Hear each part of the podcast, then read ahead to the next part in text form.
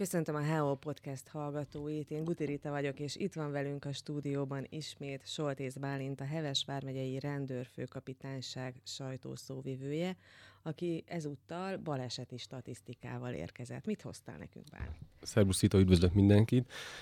Valóban szinte minden héten tudunk róla beszélni, és kell is sajnálatos módon beszélnünk hogy az elmúlt héten még történtek szűkebb hazán közútjain.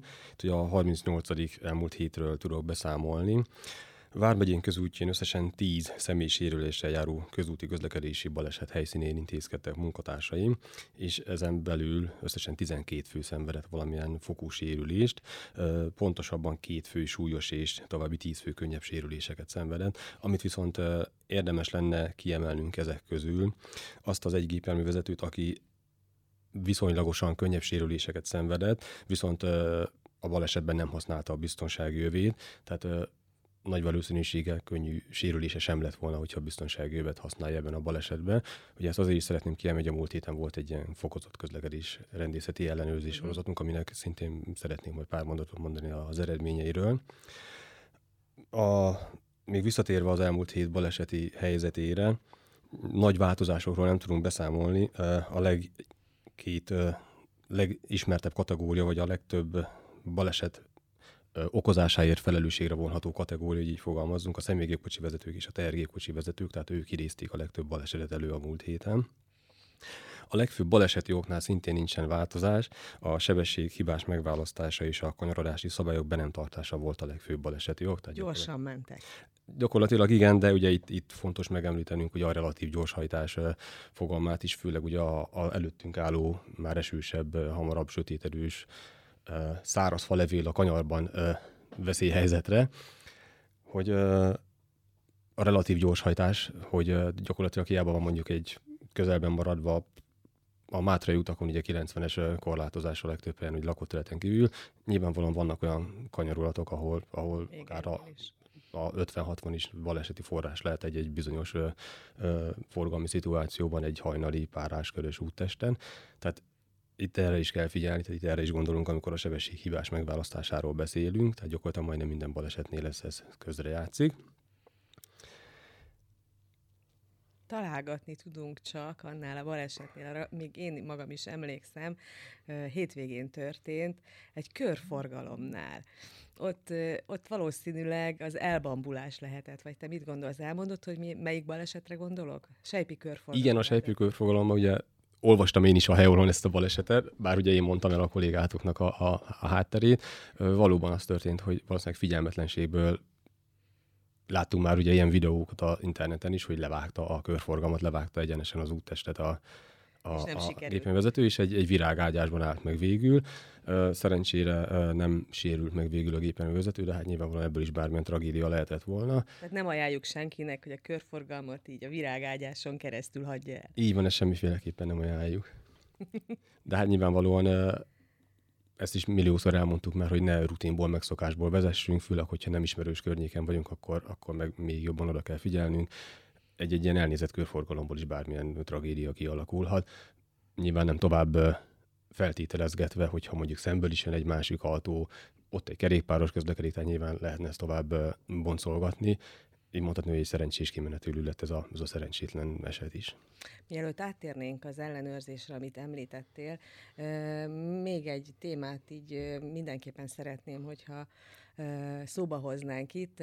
Közös ismerősünk, mentős kolléga mesélte a minap, hogy egy érdekes, egy érdekes, hát inkább nem is tudok rá jelzőt mondani, milyen baleset történt vele, nem sérült meg, jól van, inkább bosszús lett. Ugye nagyon népszerű most itt Egerben, és úgy tudom, hogy 60-ban is vannak már ilyen bérelhető rollerek, amire nagyon sokan úgy pattannak fel, hogy igazán a közlekedési szabályokkal sincsenek tisztába. Tehát ez a mentős kollega azt mesélte, hogy kerékpárral haladt a patakparti bicikli úton, amikor egy ilyen hm, kanyarban nagy sebességgel neki ment egy ilyen rolleres. Neki is voltak rá jelzői, de mit tudsz erre mondani? Igen, örülök neki egyébként, hogy előtte beszélgettünk, hogy hasonló gondolatunk volt a, a hogy fogalmazta a mentős kollégával, nem akarom mondani a keresztnevét, ha már nem hangzott el, de, de Hát, örülök én neki, hogy jól nem, van. Nem kérdeztem meg tőle, hogy elmondhatjuk-e De innen is üdvözlöm így ismeretlenül. Ismeretlenül is, és- és ismeretlenül örülök neki, hogy- Ákos. Így van. És tehát gyakorlatilag ugye hasonló gondolat jutott eszünkbe. Nyilvánvalóan ez nem szégyen, vagy el is merem mondani, hogy gyakorlatilag nyilvánvalóan hangsúlyozva, hogy ez nem uh, uh, rendőr szakmai véleményem, hanem határozottan magán jellegű véleményem, hogy nem feltétlenül a jelenlegi közlekedési kultúránk, kult, ö, közlekedési morálunk hoz a legideálisabb közlekedési eszköz a, a roller, hiszen ugye említetted, ö, nagyon sokan gyakorlatilag bárki igénybe veheti ezeket a és most itt nem feltétlenül csak a kölcsön bevehetők, hanem ugye a, a magántulajdonú rollerekről is ö, beszélünk. Gyakorlatilag ö, fiatal gyermekek is úgy közlekedhetnek rajta a jelenlegi ö, jogszabályok mm, hiányában, vagy megfelelő pontos szabályozás hiányában, hogy ö, semmilyen keresztelő képzettségre nincsen szükségük, tehát aki mondjuk eddig csak gyalogosként közlekedett, amitől, akitől szintén nem elvárás, ugye, hogy felkészült legyen keresztből, hiszen semmilyen vizsgakötelezettsége nincsen nyilvánvalóan egy gyalogosnak, hogy részt vessen a közlekedésben, annak ellenére, ugye, hogy nagyon sok szabályjal tisztában kellene lennie. Beszélhetünk itt a karos forgalmi irányító rendőri karjelzések, ugye, hogy gyalogosként is mik vonatkoznak rá. Nyilvánvalóan nagyon sokan nincsenek tisztában, de szerintem már erről is beszéltünk itt. Én ki is próbáltam nemrégiben, és én is meglepődtem. Így tehát azért, azért az a tapasztalatunk, hogy azért koncentrálni kell ott az emberek, még az autósok is többször Benézik. ott várnak, és akkor a kollégának kell külön jeleznie neki, hogy igen, rád vonatkozik, és induljál el, tehát gyalogosokra meg pláne nem.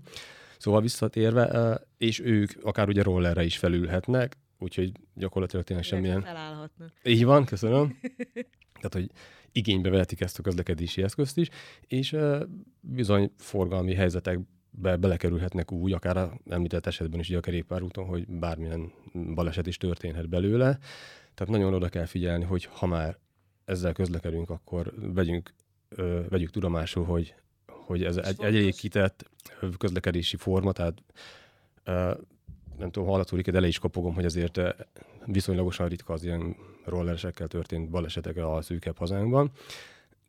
De nem is akarom elkiabálni, hiszen azért aggódva nézem egy-két rollerest, ahogy valóban látni, hogy közlekednek vele. Nem is feltétlenül a nagy sebesség miatt, bár Itt is fontos. De itt is nagyon fontos, A jó hogy- sebesség, helyes megválasztás. Így van. Nyilvánvalóan a következő évtizedekben nem fogunk még találkozni olyan sebességmérő berendezéssel, amivel a rollereket fogjuk mérni. Már lehet, hogy tíz év múlva majd erről fogunk beszélni, így van. Vagy a roller trafibox, és Ah. akkor kihelyezzük a kerékpárútra, de ne komoly talajinkodjuk el. Szóval nagyon fontos, hogy megfelelő önmérséklettel közlekedjünk ezekkel. Ugye nem kötelező, de azért a bukós is szintén ajánlott, illetve hát erre a konkrét esetre visszatérve, hát nyilvánvalóan azért bízunk benne, hogy mindenki tisztában van vele, hogy az a szaggatott volna a kerékpárúton is mit jelent, tehát hogy ne térjünk át a szemközti forgalmisába, jól értettem, akkor emiatt történt ott a, ott a patak melletti résznél, ugye ebben az ott, igen, és ott egyébként tükör is segíti, hogy ö, lássa az ember, hogy jönnek szembe. Így van, tehát nagyon fontos, hogy úgy közlekedjünk, hogy kellő óvatossággal, ismerjük a saját korlátainkat, főleg es- esetleg, aki tényleg csak kipróbálás szintjén megy egy kört ezzel a, esetleg ezzel a bérelhető rollerrel is, hogy, hogy, hogy óvatosan is egy új közlekedési eszköznek meg kell tanulni ugyanúgy a kezelését is. És tegyük hozzá azt, amit egyébként Ákos is hozzátett, hogy ő egyébként egy jó közlekedési alternatívának tartja, hiszen manapság azért fontos, hogy ez egy környezetbarát módja annak, hogy rövidebb távokat megtegyünk mondjuk városon belül, tehát nem a rolleresek ellen beszélünk, vagy nem a Abszolút nem, én is szeretném hangsúlyozni, hogy valóban egy jó alternatívának látom én is, a, a, a kellő szabályok betartása mellett. Na, köszönjük akkor, hogy ehhez is kommentáltad, és akkor térjünk át arra a bizonyos ellenőrzésre, ahol, ha jól tudom, civil ruhás rendőrök figyelték a szabályok betartását, de mit is? Igen, ugye az elmúlt héten volt a, a Safety Days nemzetközi közlekedésbiztonsági ellenőrzés sorozat. Ugye ez a, az a nemzetközi európai rendőrségi hálózat, ugye a Roadpolnak a, az egyik ilyen mm, fokozott célirányos ellenőrzése volt, ez kifejezetten ugye most a biztonsági használatának, a, illetve a passzív biztonsági eszközök használatának a ellenőrzésére irányul. Ez szintén nem titok, hiszen már többször beszéltünk róla, illetve volt korábbi ilyen ellenőrzésen fotós kollégátok is. Gyakorlatilag ezeknek az ellenőrzéseknek az a lényege, hogy minden rendelkezésünkre álló törvényes eszközt bevetünk, hogy fogalmazhatunk ilyen rendőrösen, hogy a közlekedési morált, illetve a közlekedési baleseteknek a bekövetkeztét, vagy az- azoknak a súlyosségi fogat mérsékeljük. ugye beszéltünk majd korábban ugye a drón bevetéséről is, tehát drónról levegőben is szoktuk ezeket a ezeket a gépjárművezető által elkövethető szabálysértéseket figyelni. Most ebben a konkrét esetben ö, civil ruhás, de rendőrmunkatársaim figyelték útkereszteződésekben a, a gépjárművezetőket, és akik láthatóan ugye nem voltak, és ezeket dokumentálták is képzi kamerákkal és akik nem használták a biztonságivet, azt jelzik ugye a, a következő megállító már uh, egyenruhás uh, uh-huh. lámpáskocsi uh-huh. gépjárművezető munkatársaimnak, és ők megállítják ezeket a gépjárművezetőket. Hány ilyen ponton ellenőriztetek a megyében, azt lehet tudni? Uh, igen, több kapitányság is nyilvánvalóan csatlakozott hozzá, hogy Egerben is volt, hogy a Kisteljő úton, hogy egy, mondhatni egy ilyen egy klasszikus helyszín, hogy ott biztonságosan meg lehet állítani a gépjárművezetőket a felnémetre vezető uh-huh. felnémeti úton egyenesben, is egyenesben, tehát ezek a klasszikus helyszínek, de ugye a 60 gyöngyösi kapitányság is uh, ugyanúgy csatlakoztak ezek az, az ellenőrzésekhez, illetve ugye a Füzesabony és Hebes is, hogy ne hagyjunk ki a, a valamennyi kapitányságunkat. Egyébként a tapasztalatok az... Se hagyjuk. Így van. A tapasztalat az egyébként, hogy akit már ott ellenőriznek és megállítanak, ott a legtöbbjük már azért elismerő, hogy valóban nem használtam a biztonsági jöve. illetve nyilvánvalóan ez már nekünk egy fél siker, hogy amikor már részlelő, hogy esetleg ott áll egy civil ruhás valaki, aki ugye nem szúrja ki a gépjárművezető, de aztán ugye látja, hogy kamerával beszél, és mondjuk emeli a, a rendőrségi rádiót, akkor már kapcsol, hogy hú, itt, és akkor mire odaér? És mire odaér, már be van kötve. Nyilvánvalóan a jogsértés már elkövette, hiszen már dokumentálva volt, de már ez is egy fél siker. Így van, hogy már onnantól kezdve bízunk benne, hogy az útját már végig bekötött biztonságővel folytatta.